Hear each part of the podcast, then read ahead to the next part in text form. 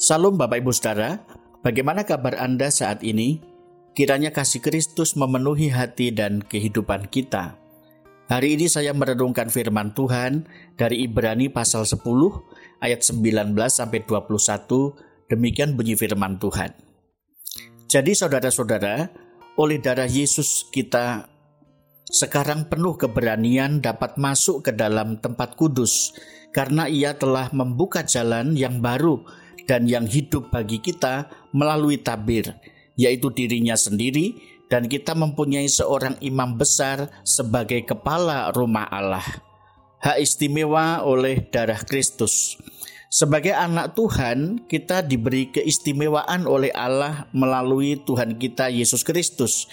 Siapakah kita, saudara? Sehingga kita berhadapan dengan pribadi Maha Agung, Raja di atas segala raja, Sang Pencipta alam semesta ini, kita memang orang berdosa dan bukan siapa-siapa. Bahkan kita hanyalah sebutir debu di hadapan Allah. Namun syukur kepada Allah oleh karena pengorbanan Tuhan kita Yesus Kristus, kita mendapatkan akses langsung bertemu, bercakap-cakap, berelasi secara pribadi dalam kedekatan dengan Allah Bapa kita, bahkan dapat berelasi secara pribadi dengan Dia setiap waktu secara personal. Oleh karena darah Kristus yang dicurahkan menyucikan kita, sehingga kita dapat memiliki persekutuan pribadi dengan Allah dan memanggil Dia ya Aba, ya Bapa. Ini adalah hak istimewa yang sudah kita nikmati sejak kita di dunia ini hingga kekekalan. Yesus Kristus berdiri di hadapan Allah demi kita, membuka akses jalan langsung masuk, masuk hadirat yang maha kudus, bahkan kita semua orang-orang yang telah ditebusnya, dikuduskannya, dan hidup di ruang maha kudus berelasi dengan Allah Bapa kita. Ini bukan terjadi nanti setelah kematian. Hal ini sudah dan sedang terjadi mulai sekarang dan di sini di dunia ini, sehingga setiap hal dalam hidup kita berhubung langsung dengan Allah di surga.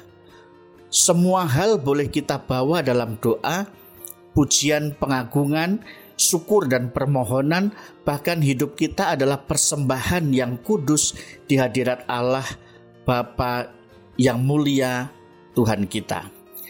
Betapa mulianya hak istimewa itu, saudara bahwa kita memiliki Bapa di sorga sekalipun kita masih hidup di dunia ini. Sebab darah Kristus memungkinkan kita untuk datang dengan keberanian di hadapan Allah membawa semua hal ikhwal hidup kita di dunia ini serta hasrat dan keinginan kita untuk hidup menyenangkan Tuhan sebagai Bapa kita bahkan hingga kepada kekekalan. Jarak yang teramat jauh antara surga dan bumi tidak akan menghambat persekutuan kita dengan Allah Bapa kita di surga sejak kita ditebus dan dimiliki Kristus perantara kita. Inilah yang menjadi penghiburan terbesar bagi kita anak-anak Tuhan yang harus masih berjuang di tengah dunia ini. Secara khusus dalam pandemik seperti sekarang ini. Dalam kelemahan kita, marilah kita memandang ke surga dan berdoa kepada Allah dengan menyebut dia Bapa kami yang di surga, yaitu Bapa yang maha murah dan mengasihi kita dengan limpah, sehingga hidup kita pasti terpelihara olehnya.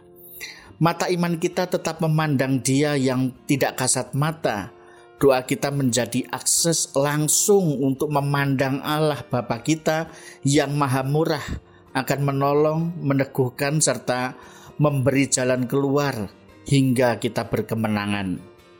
Oleh sebab itu, jangan pernah melupakan rumah Allah, tahta kemuliaan Bapa Surgawi, serta menantikan kasihnya yang limpah di dalam Kristus memenuhi kita. Nah, saudara, jangan sia-siakan pengorbanan Tuhan Yesus Kristus yang telah mencurahkan darahnya supaya kita memiliki akses langsung kepada Allah Bapa kita. Saudara, kapan Anda terakhir kali berdoa kepada Bapa di surga? Jangan sia-siakan hak istimewa ini karena Anda adalah anak Allah. Selamat berefleksi, Tuhan memberkati. Amin.